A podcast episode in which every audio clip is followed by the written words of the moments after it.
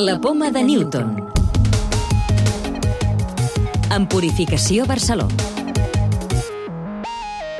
Una nova eina d'intel·ligència artificial pot identificar el tipus de tumor cerebral d'un pacient en només una hora i mitja. Serà el tema destacat del nostre programa d'aquesta setmana, en el qual també us parlarem d'un descobriment per intentar evitar la resistència al tractament contra algunes leucèmies i d'un estudi que vol trobar les causes de l'addicció al mòbil. Yeah.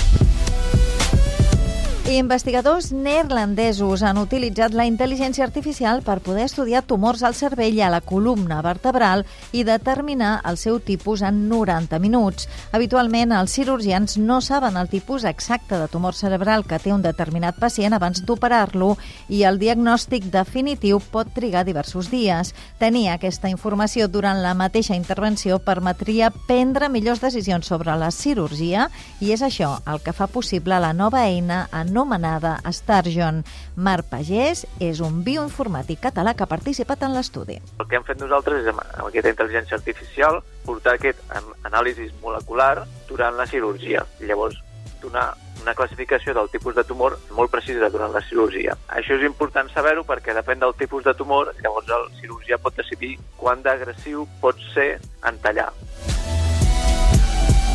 tots aquests tipus de tumors tenen patrons de metilació molt diferents entre ells i nosaltres el que fem és mesurem aquesta metilació durant la cirurgia i segons quin és el patró d'aquesta metilació, la intel·ligència artificial classifica el tipus de tumor. És una biòpsia durant la cirurgia, ens donen una mostra, extraiem l'ADN, el seqüenciem, analitzem la metilació i fem la classificació.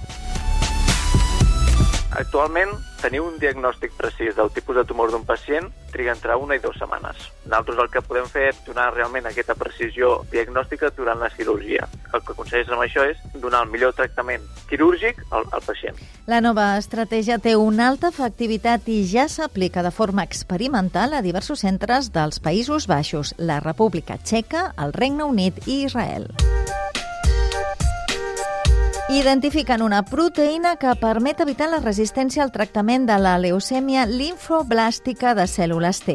Investigadors de l'Institut de Recerca de l'Hospital del Mar han identificat una vuitantena de gens vinculats a aquesta resistència, tots relacionats amb aquesta proteïna i han vist que inhibint-la millora la resposta als tractaments. Anna Vigues és una de les responsables de l'estudi. Utilitzar inhibidors de beta-catenina per combinar-los amb la quimioteràpia i hem vist en models d'animals que aquesta combinació va molt millor i responen molt millor a la quimioteràpia que només amb quimioteràpia sola demostren que l'addicció al mòbil és bàsicament social. Científics de la Universitat de Granada han mesurat un paràmetre que indica l'activitat del sistema nerviós en persones a les quals se'ls havia indicat que enviessin un missatge de WhatsApp i després deixessin el mòbil.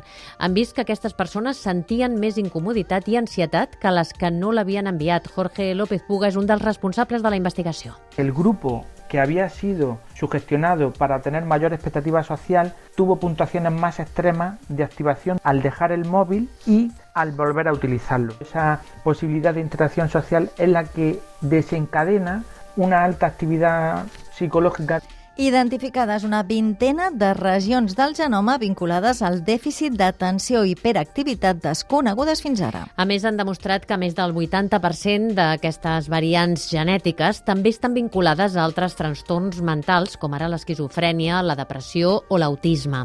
La recerca l'han liderat investigadors de la Universitat d'Arus, a Dinamarca, i hi han participat, entre d'altres, científics de l'Institut de Recerca Vall d'Hebron de la Universitat de Barcelona i de l'Institut de Recerca de Sant Joan de Déu.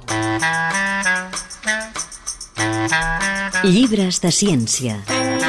La nostra proposta d'aquesta setmana és un llibre del col·lectiu de científics Neurones Fregides. Amb el títol Per què els elefants no tenen càncer, aquests 16 investigadors i investigadores ens acosten a fenòmens habituals però sovint desconeguts.